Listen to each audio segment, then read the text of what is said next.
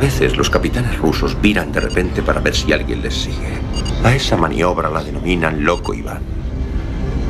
Lo único que puedes hacer es parar en seco tu nave y esperar los acontecimientos.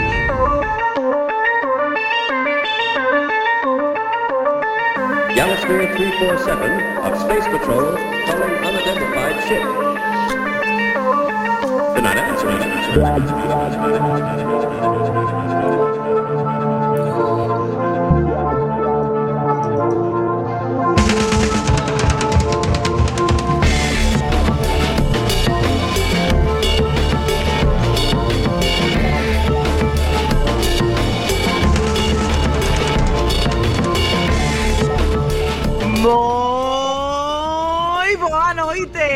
todos e a todas, prepárense para pasar unha hora repleta de aventuras a bordo do submarino nucelar máis intrépido de toda a Unión Soviética, dunha Unión Soviética que recoñece a Ucraína e tamén o Sáhara. Bueno, aparte de todo isto, hoxe falamos de carestía, de fame negra, de desabastecemento, dunha cousa que os nosos ointes Non lle soará de nada estes días, pero diso vamos falar hoxe e de como están na historia, no sci-fi, nas películas, nos cómics, Tamén temos de novo o camarada Estajanov que nos vai contar como foi a súa aventura roleira en Silles. Todo aquí en Quack FM.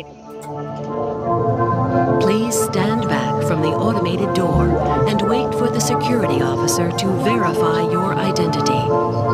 Before exiting the train, be sure to check your area for personal belongings.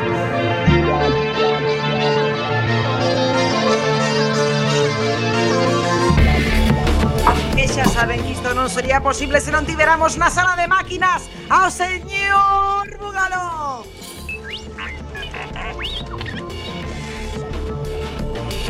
está tamén por aí na biblioteca, non sei se está conectado, pero se non se vai conectar nun momento o gran Tobarixes Mendrellev. Moi boa noite a todas e a todos. E por suposto, acaba de lipar o submarino por fora. Aquí está o señor Stajanov, moi boa noite. Boa noite, capitana. Deixo o submarino limpo como unha patena, menos a hélice, que non quero perder a outra man que me queda. Eh, pois eso hai que miralo. Eh, saudamos a capitana Esbletán e Temos máis compañeiras, máis tripulación Que se vai incorporar logo Pero quídense aquí escoitándonos en Quack FM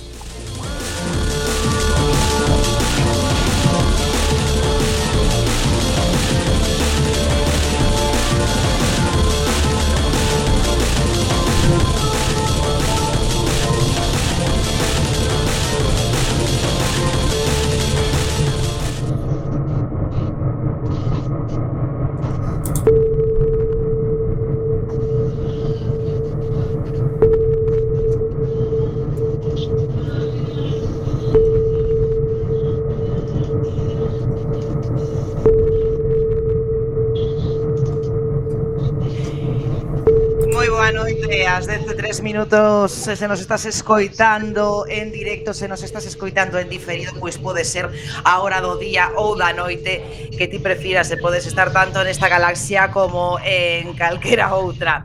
Estás eh, iniciando unha viaxe polas procelosas augas do río Monelos a bordo do submarino máis intrépido da Unión Soviética a tripulación do Loco Iván de Sauda e ademais con noticias culturais que está dicindo o señor Stajanov que está eh, o señor Stajanov non, o señor Stajanov vai falar agora pero o señor Esmendrellev que me, que me lío con tanto señorismo eh, está na biblioteca mandando un SOS dicindo que ten unha nova cultural que dar así que adiante A ver, eu hoxe só teño unha, pero unha moi boa. É que o próximo 27 de marzo, Día Mundial do Teatro, gratuito, pero reservando con antelación en entradasataquilla.com podese facer, vais interpretar a obra Gloria Nacional, que é unha obra que eu xa tive o placer de ver, é super divertida, moi, moi, moi entretida, do autor e director Eduardo Alonso, e coas eh, actrices Luma Gómez,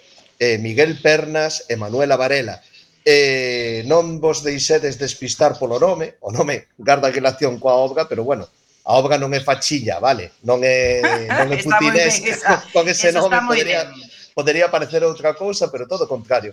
É unha obra que fala da arte e, eh, e da inspiración, eh, está moi ben feita e moi bonita. Moi recomendable, de verdade. Eh, recórdanos... De marzo, Teatro Colón. Eso, Teatro Colón da Coruña. Día Mundial do Teatro, Día Mundial do Teatro, 27 de marzo é aniversario de Quack FM, como todo o mundo sabe. Ademais ah, de, ademais de. Día Mundial do Teatro é unha cousa así como que pff, de recheo. Bueno, a ver, porque aquí hai moito teatro, hai, hai que, quero dicir, Quack FM é é teatro tamén. é teatro, este teatro do absurdo moitas veces. Eh, bueno, Eh, gracias Esmeralda de Forapunte, logo volvemos contigo, nos vamos eh, co señor Estajanov, que xa sabedes que a semana pasada estivo de enviado especial desa tripulación en Silles participando na ShadowCon 2022, que foi a primeira edición eh, pois destas xornadas eh, roleiras eh, que están organizadas pola editorial Shadowlands, aí estuvo, aí estivo o noso, o noso querido camarada que nos contaba todo o que iba a facer eh, un xogo mm, unha partida eh, pois que tiña como, como fondo a, bueno, a moi querida cidade de Vigo. Temos que saber que ocorreu. O sea, se a xente eh, comezou a comer luces de Nadal, eh, se lle saían eh, electrodos eh, por algunha extremidade, por favor, contenos, señor Estajanov. Pois claro que sí, capitán, a verdad que hai sete días eu estaba nun, nunha habitación de, de hotel de Sitges tan, tan feliz despois dunha cena ao pípara e, e agora estou aquí na miña habitación de traballar non ter moito ruido na, na cidade da casa entón é un bon momento para, para rememorar a verdad que ao final eh, foron moi eh, moi bonitas, moi entrañables estas xornadas, non? porque mm, foron para moita xente eh, entre as que me incluo como un, o primeiro, un dos primeiros así grandes eventos sociais post pandemia, todo de xuntarse ao fin ao cabo con un grupo grande de xente nun hotel pois non foi o habitual nos últimos anos. E entón houve moi, moi bo rollo todo o fin de semana. Eh, a non ser que, que, que Boris Johnson. Claro, non a xente que se queixaba que non teña tempo para falar, como había moita xente que coñecer e, e moito que, que darlle. A partida de Vigo, pois a verdad que saiu bastante ben. Mm, eh, xentome unha mesa curiosa, porque tiña a catro rapaces de Barcelona que estaban moi acostumados a, a xogar xuntos. Eh, bueno, tres de Barcelona e, e Daniel Dudi, que non sei moi ben de onde é. Eh porque ten un acento un pouco difícil de calificar, pero tipo é un, unha máquina, estaba interpretando un abogado un abogado que de pro, que era un, un cruz entre Saul Goodman e, e Patrick Jane, de mentalista. non vou entrar moito en detalles, e digo, porque a mellor algún día xogamos esa partida, pero sí, saíron as luces de Nadal, Estivemos na, na Torre da Toralla, que foi arrasada unha parte da súa fachada por unha tormenta eléctrica provocada por un dos xogadores sen querer, E moita emoción, eh, moitas risas. Un dos xogadores risas. que era Abel Caballero, un unha tormenta eléctrica. pois pues mira, teña un poder de alterar a enerxía, en teoría levemente. Pois era Abel Caballero. Pero um, se unha tirada normal eh, sacar un ou dous éxitos nos dados, este me sacou un nove. Nunha, nunha desas tiradas que ocorren unha vez entre un millón, pero que como ben nos ensina Terry Pratchett, unha vez en 10 millóns sempre sucede no momento axeitado. E, e ah. pois foi o que pasou coa Maxia dos Dados. E estaba nesa mesa estaba unha outra compañera que se chama Miriam tamén, que foi moi bonito porque mm, uma, era unha roleira de longo percorrido, pero que levaba, pois, creo que dixo tres anos de seca, porque foi mamá e isto de ter descendencia, pois que vos vou contar eh, eu, a veces afecta na vida social e viña de, a reenganchar e a, pois, a primeira partida xa como nai roleira foi esta. Entón, a min pois moloume, quedoume ben o corazonciño. Pero bueno, date conta de que a túa proxenie eh, dentro de nada terá que empezar xa, o sea, xa cumplindo os cinco anos, debería empezar mm. xa a traballar no submarino. Bueno, ter proxenio sí que é rol, eh? Eso é xogo de rol, pero pro. Xa lle comprei unha mopa pequeniña porque vaya ensaiando, pero bueno, Home, xa claro. as horas extra ano que ven. e aparte diso, pois a outra partida que tuvemos pola mañá, que era esta locura no accidente de tren, mmm, tamén saiu bastante bastante ben, bueno, como a propia chamada de Cthulhu, eh, morreu a metade da xente que era o final, pero se divertieron todos moito tamén, houve moita épica e moita... E aí pasou o contrario, tive, bueno, unha mesa así de xentiña variada, había unha unha compañera chamaba Irene, tamén lle mando un saludo, que eh, era pois, a súa terceira ou cuarta partida de rol, eh, empezou preguntando que dados tiña que tirar e acabou ao final metidísima en un final épico e demais. Teño que facer, antes se me olvide, unha fe de erros eh, que é algo que, que mm, sei que os xornalistas non lles gusta moito facer, pero bueno, aquí no submarino estamos para dar exemplo.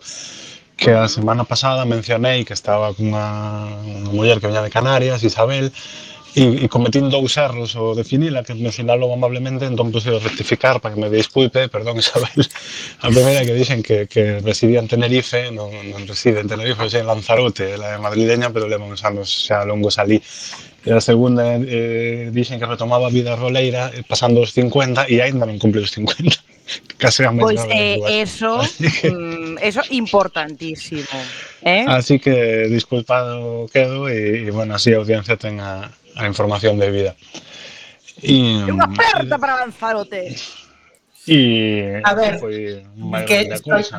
coñecendo o pleito insular é bastante grave tamén o de decir que de Tenerife mm. cate de Lanzarote, eh? Eu non digo nada. Que, que o, o dos 50 era un erro consciente, porque pensei que xa os cumplida e non. O de, o de Tenerife que sei que viven, de, eh, digo, sei que viven en Lanzarote, pero isto de subir a, a facer directos sin guión, pois pues, é o que tengo, unha veces coloco información indebida. Así que nada, corrixida queda e que me perdone o cabido insular tamén. Xa ademais, non hai xente que ofender. O cabido insular das Palmas, perdón, eh? non queremos provocar, xa temos guerras abondo, non queremos provocar máis. E, e logo nada, pois caeron unhas cantas eh, partidas pirata fora do guión tamén e eh, coñecen a moita xente moi guai do ancho da, da xeografía ibérica e a verdad que estamos, estou desexando volver o, o ano que ven. E por certo, porque ademais esta era a primeira eh, edición. Eh. Non sei se nos pode recordar un pouco para ser a primeira edición foi bastante concorrida, non? Porque nos dicías case 70 persoas ou máis de 70 persoas. Sí, 60 e tantas, contando con que houve xente que veo coa familia e tal, había peques por aí tamén correndo, de unha sección, digamos, de xogos infantiles e demás. E sí, 60 persoas. A ver, estas convencións se fan, poden chegar a facerse moi ao bestia, no? Eh, eh, Eh, por exemplo, a máis grande creo que é, se non me equivoco, son as Tierra de nadie que se fan en Málaga, en Molina, en Verán, eh, con non só xogo de rol, son xogos de mesa, pero bueno, son, son chegar a xuntar máis de mil persoas. Eh, pero claro, isto, a editorial, como vos dicía, naceu en 2019, mm, debe andar xa eh, pues, non sei, 50 ou 60 libros debe ter publicados xa, pois pues son bastante prolíficos pero empezaba a funcionar pues uns meses antes do que nos confinaran en casa. Entonces, eh, estas cousas sempre empezan pasiño a pasiño. O que pasa é que se fixo unha comunidade online bastante pechada, ¿no? De feito, foi polo que entrei. Mm, bueno, compreilles unha das campañas que tiñan publicada, eh, basta vos de Xubneura, tamén Roleira, está moi ben, eu xoguei na ambientada en Galicia, aí queda, eh, xoguei a, un dos primeiros capítulos, xoguei no coa Camarada Mirova, que xa nos escoitará, e, e mirando, informándome da campaña, descubrín que teña unha comunidade en Telegram, charlas desde Shadowlands, eh, moi activa, ahora mesmo é un grupo con case mil persoas tamén metidas, non, non para todo o mundo, claro, moitos están de Miranda, pero, e foi desa comunidade como nacen estas xornadas, o sea que onde xente un pouco que xa nos coñecíamos de escribir, e ao final nos puxemos cara ou, ou máis ben por una vez acabamos xogando online, nos puxemos en proporción tridimensional piernas e orejas que non tenían auriculares puestos. Por certo, unha cousa importante tamén, eh, se liga nestes eventos, porque isto é algo que, que é importante, sabemos que no teu caso non, porque xa no, esto... capado fai anos, pero... pero... Isto un recordo para, para o señor Lamelov, eh, que non quero dicir que o señor Lamelov este imposibilitado, eh, pero bueno, eh, pero eh, a resposta, por favor. A, eh, a ver, eu non sei, nunca soube moi ben onde se liga, non é exactamente o meu campo de experiencia, menos ahora que estou fora do mercado. Sí, é, é posible, a ver, había eh, nest- nestes casos, por desgracia, esta afición todavía ten certa maioría pirolística, estamos traballando en Corrixila, eh, pero pero bueno, alguna posibilidad había. A ver, hubo. Mm, fue muy guay además, porque fue el ambiente de hotel. La verdad que estuvo lloviendo prácticamente todo el fin de semana en Sitges. O que pues a gente que no es eh, de Galicia y por el día indignante, a mí me daba un poco igual. Además, estábamos allí metidos Entonces, eh, estábamos en pensión completa, unha sala xogabas, te levantabas e ibas a comer, estabas aí de charleta, eh, xogabas a partir da tarde e despois a festa seguía nas habitacións. E en concreto había unha habitación cuádruple moi mítica, a habitación 201, onde pasaron moitas cousas. Creo que os inquilinos non dormiron moito, e, e eu pasei iso moi fugazmente, pero, bueno, se dice que, que o que pasou allí queda allí. O sea que bueno, pode pasar. Na habitación todo, 201 que agora xa quedou clausurada mm. para sempre nese hotel de mm. Sitges. Eh, unha cousa simplemente antes de, de, de despedirte, camarada, para non robarte moito tempo, que nos contes algo ademais eh, desa editorial que xa non se estabas avanzando, pero eh, pois para a xente que non a coñeza, pois, olle, pois, eh, que pode facer? Ou, ou creo que ademais presentaba eh, se presentaba algo tamén que acababan de sacar eh, pois non sei, que nos, mm-hmm. que nos digas un pouco para, para a xente como mellor está desexando meterse no, no mundo roleiro eh, que non sabe como, pois pode mm. facelo a través de, desta editorial. Sí, a ver, como digo, mm, se usas Telegram, se non usas deberías, eh, buscas charlas desde Shadowlands, te metes no grupiño esta editorial, e é un bo sitio, mm, o sea, se hai xente que entrou novata e se acolleu nunha partida online e tal, que queres bichear pois, a tua conta ou xa sabes un pouco, eh, www.shadowlands.es Teñen bastante material, como digo, case todo o sea, especializado en terror ou cosas castianas. Ahora mesmo, mmm, hai dúas cousiñas interesantes que te podes interesar de gratis, que son as regras de proba un deste xogo que xogamos nos en Vigo que se chama Estirpe de Danitz que é eh, mitos de Cthulhu como unha volta de acción outro mm, máis intimista para que demole que tamén o é que se chama Raven que é un xogo mm, tamén de terror, pero inspirado neste caso pola mm, polo estilo ou polas pesadelos de Edgar Allan Poe. Eh, Ai, me encanta, por favor, ademais que xa sabedes que eu son capitana e Raven tamén. Es que Raven, sí. Pois Raven é, eh, é unha cidade mm, nun novo continente se parece un pouco a, a os Estados Unidos victorianos de Poe, pero non é exactamente igual. Unha cidade que está sempre invadida pola néboa e polos corvos. Nos cae hai unha familia maldita, a familia Corvus, a cal se pertencen os xogadores, e nos pasan cosas moi dramáticas, e se desmueren los enamorados e cosas así. como ah, digo, pues ahora está, está en preventa eh, con un pack bastante chulo y si quieres probarlo, pues había de inicio es gratuita. Y otro que acaban de sacar, que me, me, otro encantiño de Sitges, es esa guía de mitos de Cthulhu en la España de los años 20, eh, llamada Pie de Toro, escrita por Ricardo Ibáñez, pionero de rol en español, además historiador, o sea que está muy bien documentada. eh, e inclúe pues, o que podes necesitar para xogar unha partida nesa ambientación ou se simplemente tes curiosidade histórica eh, tamén é unha boa lectura porque fala pues, como era a vida na época dende o que se comía mm, cal era o salario como, se, como eran os bares e como era o transporte ou as emisoras de radio tal está moi ben, é bastante. Se te mola un pouco a divulgación histórica, na que non vayas rolear, eh, o libro é unha boa compra, é moi bonito. Esta xente edita moi ben, con unhas ilustracións moi chulas sempre. Bueno, se cotillades a web aí se pode ver de todo. Pois, eh, camarada, moitísimas eh, gracias. Non sei se nos quere dicir algo máis. Eh, nese xogo, eu espero que este representada a figura do señor Bugalov, que xa na antigüidade el comezou coas primeiras emisoras de radio comunitarias. Eh, Pois especifica que a primeira emisión de Radio Comercial é unhas páxinas que lín esta tarde, non vou estudiar. Unha das primeira, a primeira emisión de Radio Comercial no Estado Español foi en Radio Barcelona en 1924. Un, en 1924, pois aí estaba xa de prácticas o señor Balón. Sí, sí, sí. Eh... e logo xa posteriormente eh, fundou Coac FM. Eh... Un pouco despois, ademais. Un pouco cantos, despois. Cantos aniversario temos que felicitar xa coa que feme? 26, son este ano 27. 26. 26, xa, non está mal, xa, xa se fixo... A ver, non é o circo de artesáns, pero... Está, está aí, está aí. bueno, de circo temos bastantes. Claro, sí. de artesáns, eh, pues, Tamén. menos. Pero... fauna, fauna, fauna e abondos, eh, non as parrulos. En fin, nada, e que outro día pasei o, o programa polo chat este de Shadowlands e sei que o xente que o escoitou, así que volverei pasar este e mando un saúdo a, que, a quen se dé a paliza de, de volver a escoitar Loco Iván. Así que, que non, no, o sea, que non podemos insultar a, nin, a ninguna nacionalidade nin territorio do Estado de momento, non? Poder si, sí. bueno, non me chegaron ninguna ofensa, non sei se alguén nos fixo vudú, en todo caso, bueno, xa, xa me tocou pedir desculpas ao cabildo insular, vamos, non ofendades a ninguén máis cando me vaya. Quen se quere suscripcións en iVox. Pois sobre todo eh, unha aperta, ademais, por que non dedicarlle este programa de hoxe ao cabildo insular? Pero a, a cal deles? O que claro. Uy, xa empezamos. A todos. Xa empezamos ali onde haxe un cabildo, aí estará loco Iván.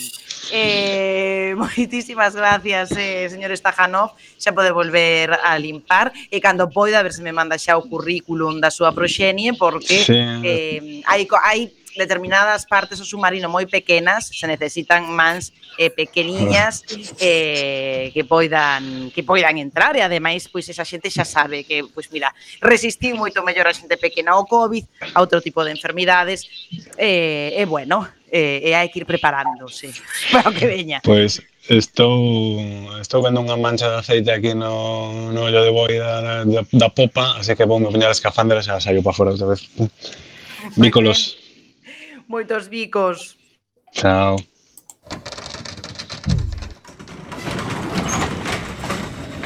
Bueno, eh, o batiscafo porque ten que marchar inmediatamente a seguir traballando o señor Estajanov porque xa sabedes que por algo eh, Estajanovista o oh, pobre. Eh, bueno, eh, chegada a chegada eh, in extremis, eh, innovadora, eh, con gran enerxía, revolucionaria, acaba de chegar eh, a camarada de Osca. Moi boa noite. Hola, moi boa noite. Oye, xa que estamos aquí, eh, e xa que estás aquí tamén, eh, por que non comenzar contigo xa, Osca, que nos dis? Eh, nos contas as túas as túas as túas fames, eh, as túas fames negras. Eh, Pois, pois sí, estive pensando que en cuestións de escaseza as, as veces pillamos, pillanos desprevidos, non? Como, como é eh, neste caso en que estamos todos moi afeitos como, pois pues, iso, a, a ir ao súper e que haxa de todo ou, ou bueno, cousas da vida cotía que non pensamos que se podan ver alteradas dun xeito radical, mm, pois, por exemplo, por por unha folga de transportes, é algo como que non se te pasa pola cabeza. Eh? Entón hai cousas así que son moi cotías que en realidade eh, sen, sen moita dificultade mm, poderías verte nun, nunha situación de escaseza eh, sen telo pensado nin de lonxe e, e porén sendo algo moi fácil de, de, de pensar. O que pasa é que non, non sei, como que non o ves. Eh, pensei, por exemplo, eh, o típico dos, dos invernos que a xente pois vai no seu coche, mira que normalmente din ollo, leva cadeas, leva auga, leva mantas, leva un poquinho de todo. Eh, e moitas veces pensamos, no, malo será, non? Quero dicir, o coche non parece un sitio no, no que teñas que facerte resistente, senón un sitio mm, para ir dun lado a outro no que te poidas sentir seguro, no que haxa de todo, no que haxa auga e, eh, e, eh, e eh, comida e refuxio e, e, e tal. Eh, e lembrei un relato maravilloso que se chama A autopista do sur, de Xulio Cortázar, que é un conto curto escrito en 1966, que fala, pois eso, nun grande atasco nunha autoestrada, á entrada de París, eh, e que, bueno, que inicialmente, pois vale, é un atasco moi gordo, é o típico que pensamos todos nun atasco, pois xa irá pasando, pero van pasando as horas, as horas, as horas e incluso os días, e a xente ve, pois, eso, que que ten escaseza de cousas que nin se lle pasou pola cabeza que podería necesitar porque nin se lle pasou pola cabeza que algo que en realidade tan habitual como un atasco podía pasar. Evidentemente un atasco levado ao extremo. Eh, entón, eh, empeza a haber un, un problema de cobertura de necesidades, eso, hai escaseza de auga, hai escaseza de, de comida. Eh, entón, esta historia ven falando, pois eso, de como é o comportamento humano en situación límite. Dito que diso se pode facer xa moitos estudios, porque levamos unha temporada que entre pandemias, volcáns, eh, folgas de transportes, eh, absolutamente de todo, guerra, pois eh, o, o tema do comportamento humano en situación límite o, o temos a, a orde do día. Eh, fala, pois, eso de, de como se fan comunidades, dos comportamentos individuais, as relacións entre a, a xente, Eh, aquí, máis que un problema de inverno, como comentábamos antes, é todo o contrario. É pleno verán, hai un calor asfixiante, hai mm, moita, moita tensión, unha sensación moi de, de afogar. Hai, mm, basicamente, a, a escaseza é sobre todo de auga. E hai outra cousa que escasea moito e que é a información, que parece unha tontería, pero nunha situación como esta estás desexando saber que pasa, cando vai rematar, e, e aquí a, a xente non sabe que o que sucede, non sabe eso, pois canto vai pasar ata que remate, eh, tiran moito da rumoroloxía, que realmente é algo moi humano tamén, non? nunha situación como esta, bueno, en toda a situación que, que, que vos vou contar. Eh, falan que uns din que foi un choque entre dous coches, outros que foi un accidente aéreo, outro que volcou un bus, e eh, ademais todo o mundo con, con moito detalle, porque mo dixo non sei quen, que sabe de boa tinta, e que se houbo eh, catro mortos e un ferido nun brazo, non sei que todo cousas que ao final resultan ser que non. Iso é porque iso é porque o relato do 66, porque agora isto con Twitter non pasaría. Claro, efectivamente. Depende, ata que quedes ata que quedes en batería no móvil. Non, non, quero dicir que con eh, Twitter no, é eso, pero amplificado, o sea, moito máis cuñado, o sea, aínda. Sí por suposto que sí, pero incluso se fose información veraz en canto quedas en, sen, sen datos, pois en batería, pois acabuse o tema, ves? Para iso, para iso está a radio. Igual é o que falla neste conto, non lembro que que tivesen en conta a radio, que aí sí que deberías enterarte de todo o que pasa. Pero... Sí, pero eh, claro, a ver de que te enteras. Depende a emisora que sintonizas. Non ter, non ter, en, non, non ter en conta a radio, a ver, Cortázar, Xulio Cortázar ah, ah. de emisión. Ah, non pode ser. Dicir que desta película, desta película, deste conto fíxose unha película en Italia no 79 que se chama eh, O Gran Atasco, por se vos interesa. E, eh, e bueno, esta é a, a miña primeira pinga de escaseza neste programa. Non sei se xa ir pasando a outros compañeiros. Eu ter teño máis. Non veño escasa precisamente de información. O que podemos pero... facer, como, como eh, xa levamos consumir a case media hora de programa, nos vamos á sala de radio, se vos parece, e así logo nos vamos directamente á, á biblioteca. Bueno, xa, parei o ruido, parei o ruido. Eh, a ver, trai unha canción dun señor que é un grande, pero que igual vos digo o nome e non vos ven nada. Pode porque ser. Billy Paul, non vos soa Billy Paul, non? Mm, no. Billy Paul, non. Billy Paul, Billy Paul era un saxofonista e cantante eh, afroamericano eh, que xa finou, finou en 2016 pero que traballou con xente como a, igual a algún destes sí que os coñecedes, como a Charlie Parker, Pois sí, ese xa máis. Como a Dinah Washington, Va, como, como a Nina Simone, como a Miles Davis, como a Roberta Flack, como a The Impressions, va, o sea, ben, non? O sea, un señor músico. Sí tivo unha, un gran hit na súa carreira, que por lo que unha canción para que gañou un Grammy e foi número un durante bastante tempo que se chama Me and Mrs. Jones. Ay. Que xa vou poñer aí un día, está moi guai esa, esa canción, pero hoxe como o programa vai de escaseza non trouxen cousa tal, senón que trouxen unha canción que se chama Let the Dollar Circulate. Vale? Bueno é que, que fala dunha circunstancia que seguramente vos non coñeceredes porque non se deu nunca na natureza que é eh, a esta inflación. A estanflación que é ese palabro que, a, que, que acabamos de, de, de volver a, a recuperar eh, nos, nos medios. Eh, claro, había, había, había, había cando, cando Billy Paul escribiu esta canción había unha, unha, unha esta inflación que metía medo, eh, porque era a crise do petróleo. E agora estamos mm, claro. Aí. Entón, a verse recoñecedes esos síntomas, estaba a economía parada, non había moita actividade económica e extrañamente os prezos subían. Claro, a economía está parada, non hai emprego, prezos suben, lío, non? Problema, ben. Eh, unha situación que igual nos soa un pouco. Eh, Entón, pois, ao bo de Billy Paul, que non era economista, que era músico, delle por escribir esta canción. Se fora economista, tería sabido que seguramente facer circular o dólar non é o mellor para parar a inflación. Pero este señor o que se daba ben era escribir e interpretar música e aquí temos a Billy Paul con Let the Dollar Circulate.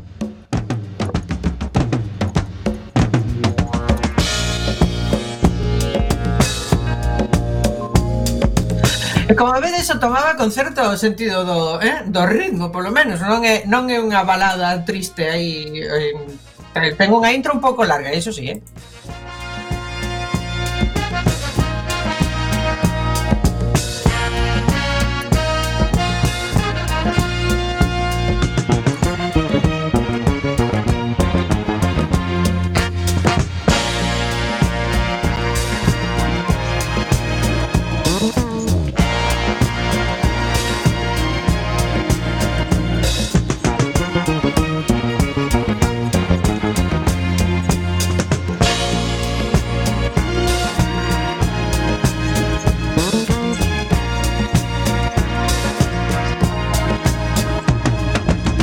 Getting higher makes it hard on the buyer. Unemployment on the rise, gasoline issue filled with lines, rent being paid late. Please let the dollar circulate. Let the dollar circulate.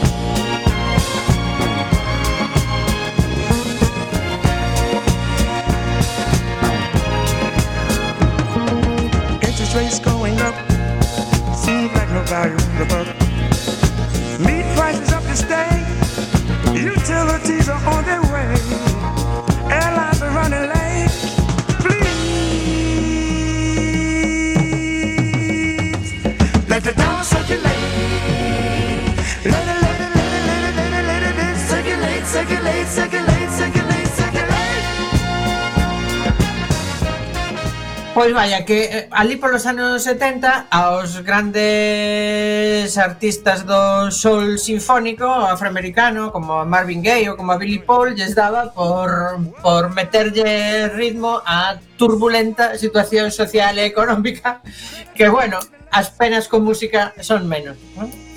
E con esta música, a ver bueno, son moi jodidas igual, da igual pero polo menos Pois pues imagínate sen música, se non se pode bailar Uf. City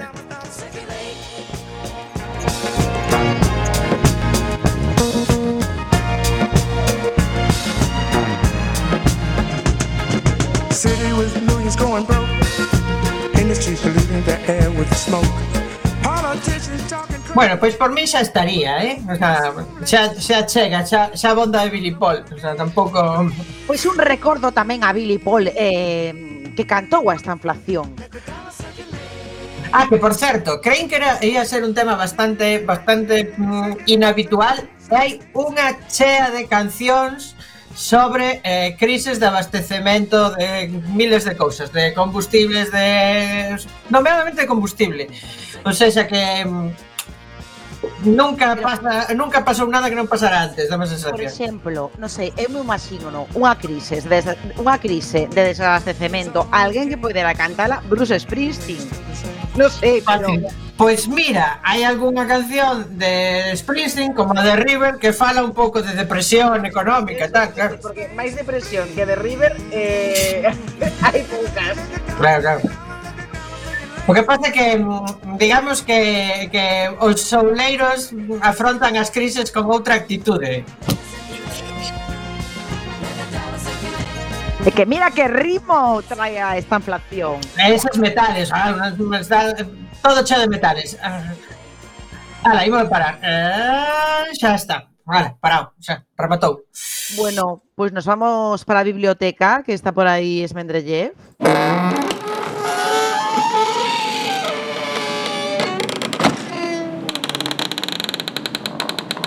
Bueno, pois vamos falar de escasez, de miseria, de cando non hai. E para iso, pois o mellor aquí, o compañeiro Bugalov pode meter unha pequena curte. A ver se que coñecedes de onde ven esa musicola.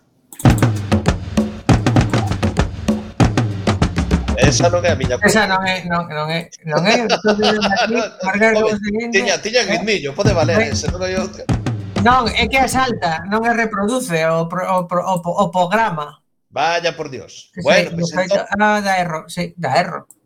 Vaya. Pois pues entón, perdedes vos unha bonita Ay. versión. A ver, como, calera, calera. Era unha versión a piano que atopei en Youtube, moi ben feitiña, da banda sonora de, da última película de Dune, a de Villeneuve, que está moi ben. Está moi ben, eh? Ben, eh? Vimos sí. outro, vimos outro día, está moi ben. Eu tamén, a vin outro día. E que vos pareceu? Gustou vos? A min gustoume moito. Eso sí, hai unha calima que nin diola en, en Arrakis, eh? A min bueno. gustoume, a min gustoume. Sí, sí, sí, sí. É verdad, tamén a vin outro día, que está en, en HBO agora, verdad? Vina. A mí parece moi, ah, pois algo ben executado, eh. Tiña moito medo con ela porque, bueno, nunca sabe un cando se fan este tipo de remakes que que pode salir de aí.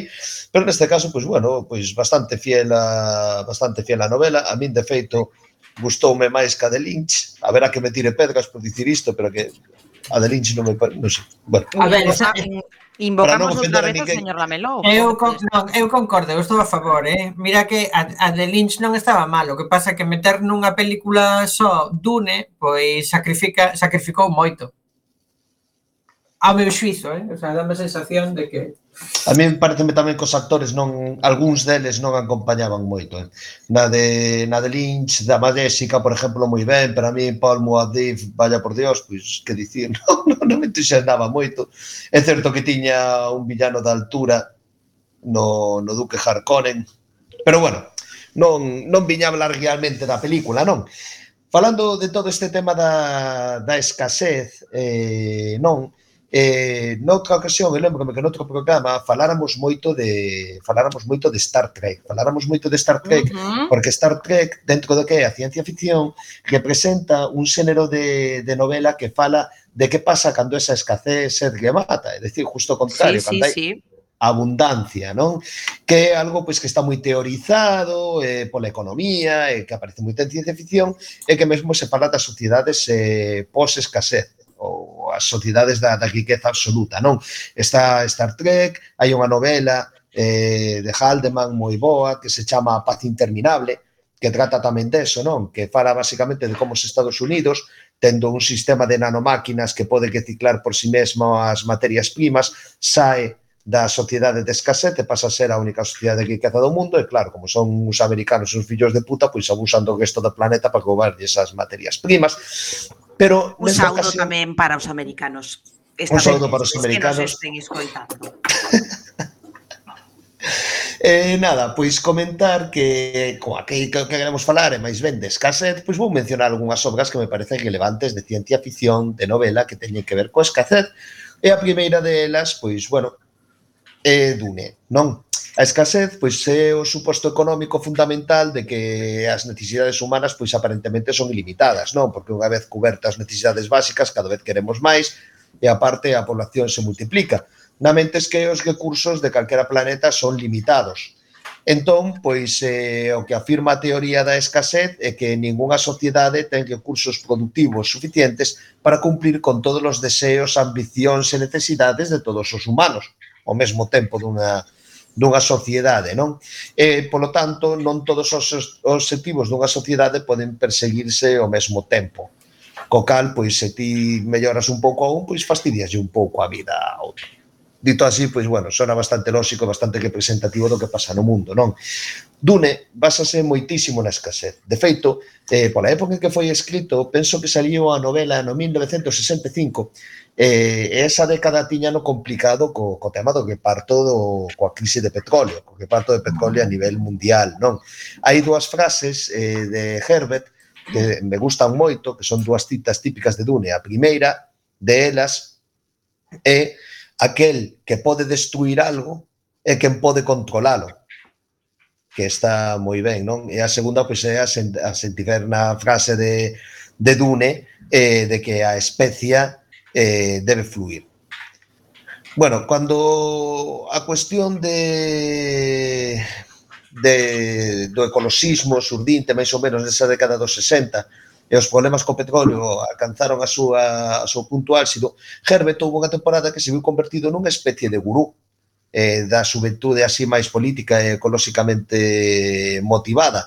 De feito, el, pois, eh, nesta novela, a lección que nos ofrece, pois, que está atinguida de certa sabiduría pseudo-religiosa ou pseudo-hippie, como queiramos chamar, na, na persona de Cuisa Haderach, do ser humano perfecto, que representa Paul Muaddib, eh, ten tamén pullas un pouco para moitas cousas que pasan en no noso mundo, non? Entre outras cousas, eh, o concepto occidental de dominio da natureza, dos recursos, etc. Non? Na mentres que pois na novela pois avegase un pouco por unha planificación cuidadosa para non alterar o medio natural. Hai que decir que Herbert, aparte de ser escritor, tamén traballou como ecólogo, eh, entre outros para os gobernos de Vietnam e de Pakistán, como asesor eh, tanto social como, como de ecoloxía, non? E que, bueno, pois pues, é un destes bueno. pioneiros. Pois, eh, Vietnam sei ben, pero Pakistán... Quizás non fora o mellor ecólogo, pero... bueno, hai que ter en conta unha cousa. O feito de que, o feito de que fora concretamente Pakistán, pois pues igual garda unha relación con todo con todo este mundo de, de Dune, non? Hai unha cousa. sí, sí. Sí, Pakistán, en Pakistán din, antes de que chegara Herbert todo isto era Bueno, o, go a especia sí. Todo isto era campo. Era naranjo. Bueno, unha cosa que sí que ten tamén graza é como el conceptualiza o que é relevante tamén na novela, porque hai unha cousa que mola moito, non? Eh, que é a dualidade de que realmente pois na partireiro por se alguén non o sabe, ainda que o escritante dun programa fui dubido que non o saiba. A especie é a que permite aos navegantes doblar o espacio-tempo co cal pódese a Irmandade de mm. Navegantes e a Gaspón de Comercio pode expandir polo universo toda a riqueza. Polo tanto, a especie debe fluir porque é o que permite un viaxe espacial eh, económico, non? Que permite o comercio e demais. Entón, o máis importante para os Estás hablando de la marihuana. Está ben, está ben. Pero bueno, a marihuana non fai falta Bellas Artes, non sei. Eu penso que aquí en Coruña se fai un pequeno castreo das facturas da luz. Cuidado. aí, aí, aí aparece. Eh, que, que, por certo, eh, a inflación entón na marihuana debe de estar polas nubes. Uh o te van preguntar, van preguntar na galega a semana que ven, seguramente. Por... Sí, eu imagino que agora mismo debeu subir o poquete miña nai. Como vaya en relación coa luz, vamos a estar ben jodidos. Bueno, é unha pregunta que aquí ninguén sabe. vale, como quería, o que iba, non? Por unha parte, os estranxeiros de Dune, os conquistadores, o que queren é o petróleo, digo, a especia, e para eles é a verdadeira riqueza. Sen embargo, para os Fremen, a especia, como viven rodeados dela, é algo banal.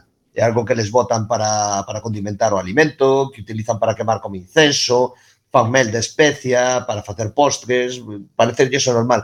Sen embargo, eles basan toda a vida e toda a súa economía na auga, que é o que realmente é escaso no planeta. Básicamente poderíamos dicir que a novela de, de Dune está basado completamente nesta teoría da escasez na que se basea tamén, pois, bueno, ahora mismo todo o teórico occidental eh, de economía, pois, basase nesta nesta limitación de, de que cursos que deben ser que partidos e que mesmo moitas veces se fomenta artificialmente, non? Agora mismo, neste momento de escasez que podemos estar sufrindo por un tema de, de transportes, non? Deste paro patronal, eh, Gustaríame lembrar que moitas veces xógase eh, coas vidas da xente facendo unha escasez irreal de determinados recursos. É algo que se fai concretamente, que a mí parece completamente inmoral, cando se xoga con alimentos. É dicir, cando xoga futuros con alimentos, cando se mercan, que eso fai no Cargill, eh, fai no Monsanto, fai no moitísimas empresas que teñen que ver con alimentación, grandes cantidades de cereal, e eso mantense, mantense sen vender en mercado para tratar de vender logo máis caro, aí estáse matando xente, porque ti o que estás facendo é que se había unha determinada persona que só podía pagar 15 céntimos por cada kilo de millo, e lle faz pagar 20, pois, pois o mellor non chega, non? Pero bueno, por non estendernos a nisto, mencionar un par de un par de obriñas eh, máis interesantes que teñen que ver con esta teoría da escasez. Non? Unha deles é unha novela de 1982 eh, que se chama acabo de darme conta, como sería en galego grito de cortello referíndonos a buscar parella, non a criar porquiños nun cortello? Ah, rito de cortello. Eh... Acabo de ficar moi, moi desconcertado, non? Non sei se se di cortello tamén galego. Imagino, imagino que non. Imos ir buscando, caso. ti vai falando, eu vou lle dando aquí a tecla. Este grito de cortello, vamos a chamarlle así de momento, foi escrita é unha novela de ciencia ficción escrita por Donald Kingsbury e foi a primeira novela que publicou este escritor de ciencia ficción en 1982, non? É ante todo unha descripción antropolóxica das culturas dun planeta ficticio, Geta, un mundo primitivo e arcaico donde non existe máis carne que a humana. Entón, eh, por enésima vez, falase dunha historia de Getor, non, non, os clanes que forman este planeta Geta pois son descendentes de astronautas que se supón que en algún momento unha nave sembradora de seres humanos eh, foi a tomar por cu, estrelouse neste planeta, e só unha parte da carga biolóxica sobreviviu eh, concretamente dous tipos de cereal, penso que millo e sorgo e algunhas plantas máis. E como os, os animais nativos non son consumibles, Esta sociedade tivo que medgar eh, nunha falta absoluta de proteínas e cunha baixa tecnoloxía. O que leva pois, que sean caníbales pois, como, bueno, como se describe a veces pola zona de Mesoamérica, e algunhas outras culturas. Ah, eh, pensei que dicías pola zona de Mesoiro, e non, na zona de Mesoiro bueno, non hai Mesoiro... turismo por agora. Eh... que saibamos, eh, eu non sei que decir. Aí... Mesoiro eh... cada vez... No, no, no. O, eh, eh, antes de... Antes de, antes de, faltar, antes de, de que sigas falando, eh, indicar que, según a Real Academia Galega, o término correcto é cortexo. Eh, a ver, pero hai, hai, hai unha expresión moito máis bonita que, que se corresponde e que é moito máis de, de, de, de, de título de película da televisión da televisión de Galicia, por exemplo, que sería Facer as Beiras. Facer as Beiras, eh, que na galega sería Primeiras Beiras. Primeiras, Primeiras Beiras, Beiras estaría bueno, eh, Beiras na galega, claro, Estaría Beiras non se pode dicir na galega. Se dis Claro. Cada vez que se di Beiras na, na, na galega, eh, Marcia remata un gatito. Estaría interpretada por un coñecido líder político eh, de, frondo, de frondoso pelo. Xardinerías Loco Iván. Loco Iván. Bueno, para ir rematando e, eh, e eh, deixar paso a máis, vale comentar que esta novela que está moi ben, moi recomendable porque pola descripción antropolóxica que fai desta sociedade ficticia, das súas formas eh, matrimoniais, de como é o consumo de cadáveres funerario para optimizar esa relación de proteínas, que ten a súa base en sociedades existentes, primitivas ou non tan primitivas, e que realmente a novela o que fai tamén é que se xa moi turbadora, porque claro, o que para esta xente cotía como alimentarse de abortos de esclavos, pois claro, nos resulta un pouco durillo, non? Co cal estás todo o gato aí que a comida a gorsa a punto de, de botar de botalo todo, pero está moi ben escrita. Esmendrelleces, estás facendo moito as beiras ao meu sentido de humor negro negrísimo, que o saibas.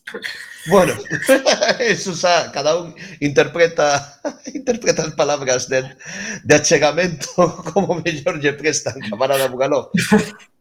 Esa para que matar. Se temos que falar dunha obra de ciencia ficción basada na escasez eh, que eu tivera que escoller líricamente, dicir a que me parece mellor escrita, eu escollería a carretera de McCarthy. Non sei se liche desa novela alguna vez. E, e ademais que creo que foi unha das primeiras eh, pezas que, que interpretamos aquí cando facíamos pois esa sección de radioteatro que algunha vez eh, recuperaremos en, en Logo Iván, eu creo, non? Que fora que fora a carretera.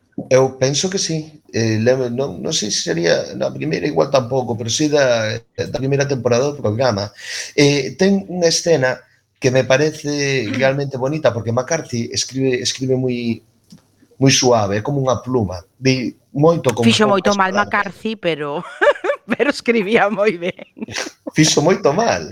A ver, era outro Maca... era outro McCarthy. Ah, ah bueno, vale.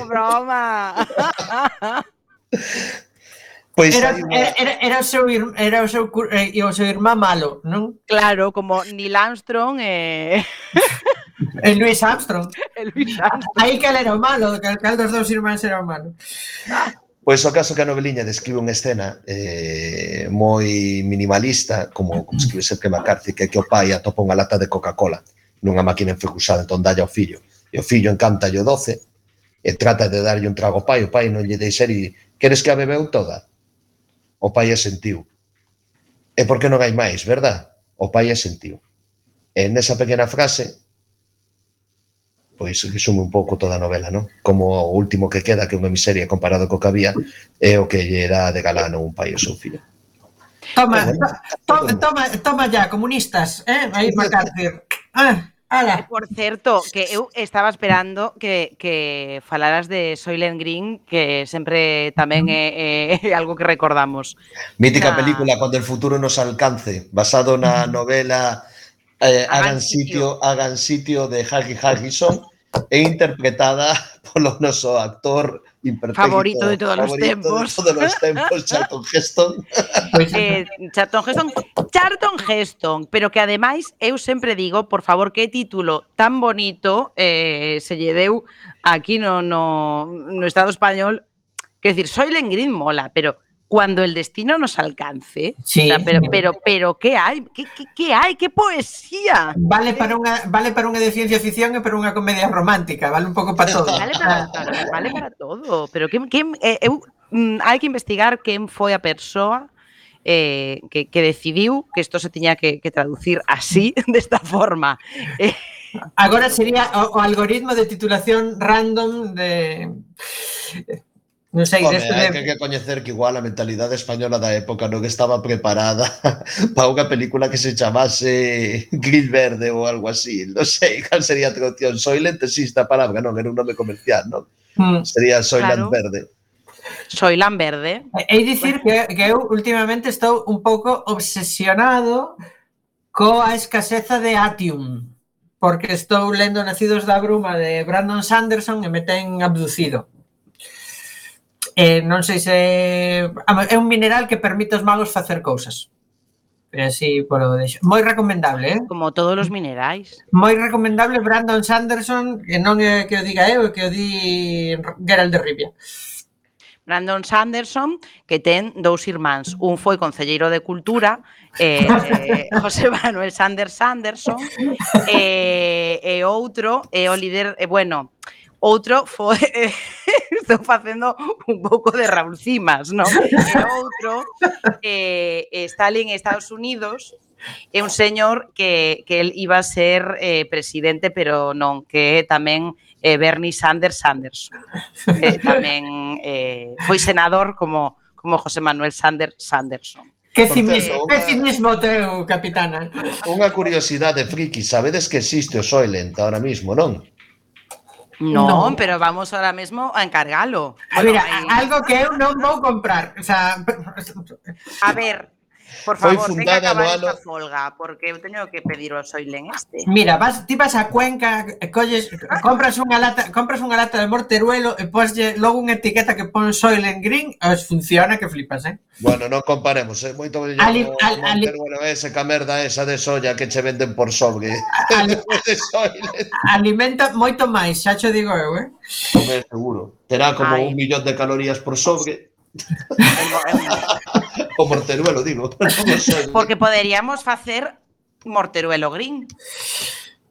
E empezar Buf. a comercializalo. Non sei.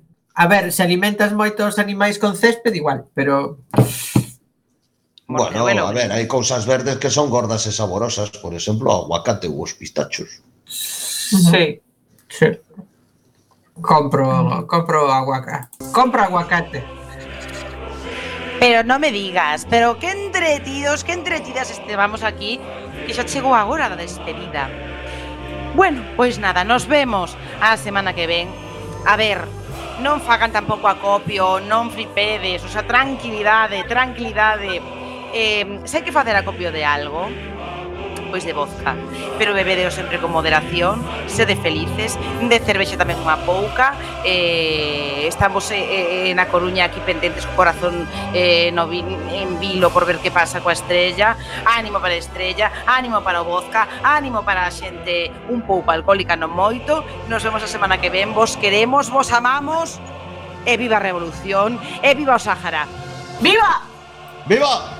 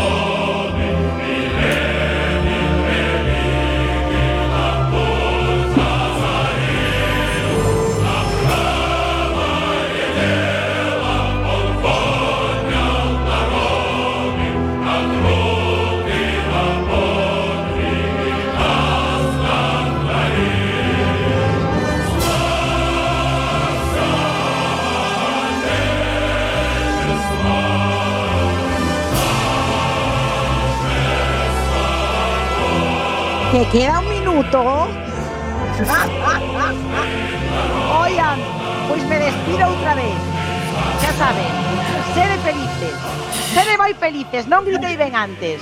Sede moi felices. Pero vamos en serio, pensé que que matáramos. Remataramos, pero, pero porque se pode... Mira, hai unha cousa que se chama deixar longa a sintonía e non pasa nada, non pasa nada. Pero como a capitana, pois... pois... É que xa tivemos 57 minutos de escaseza, así que agora, ala! Himno para todos! En plan bonus track.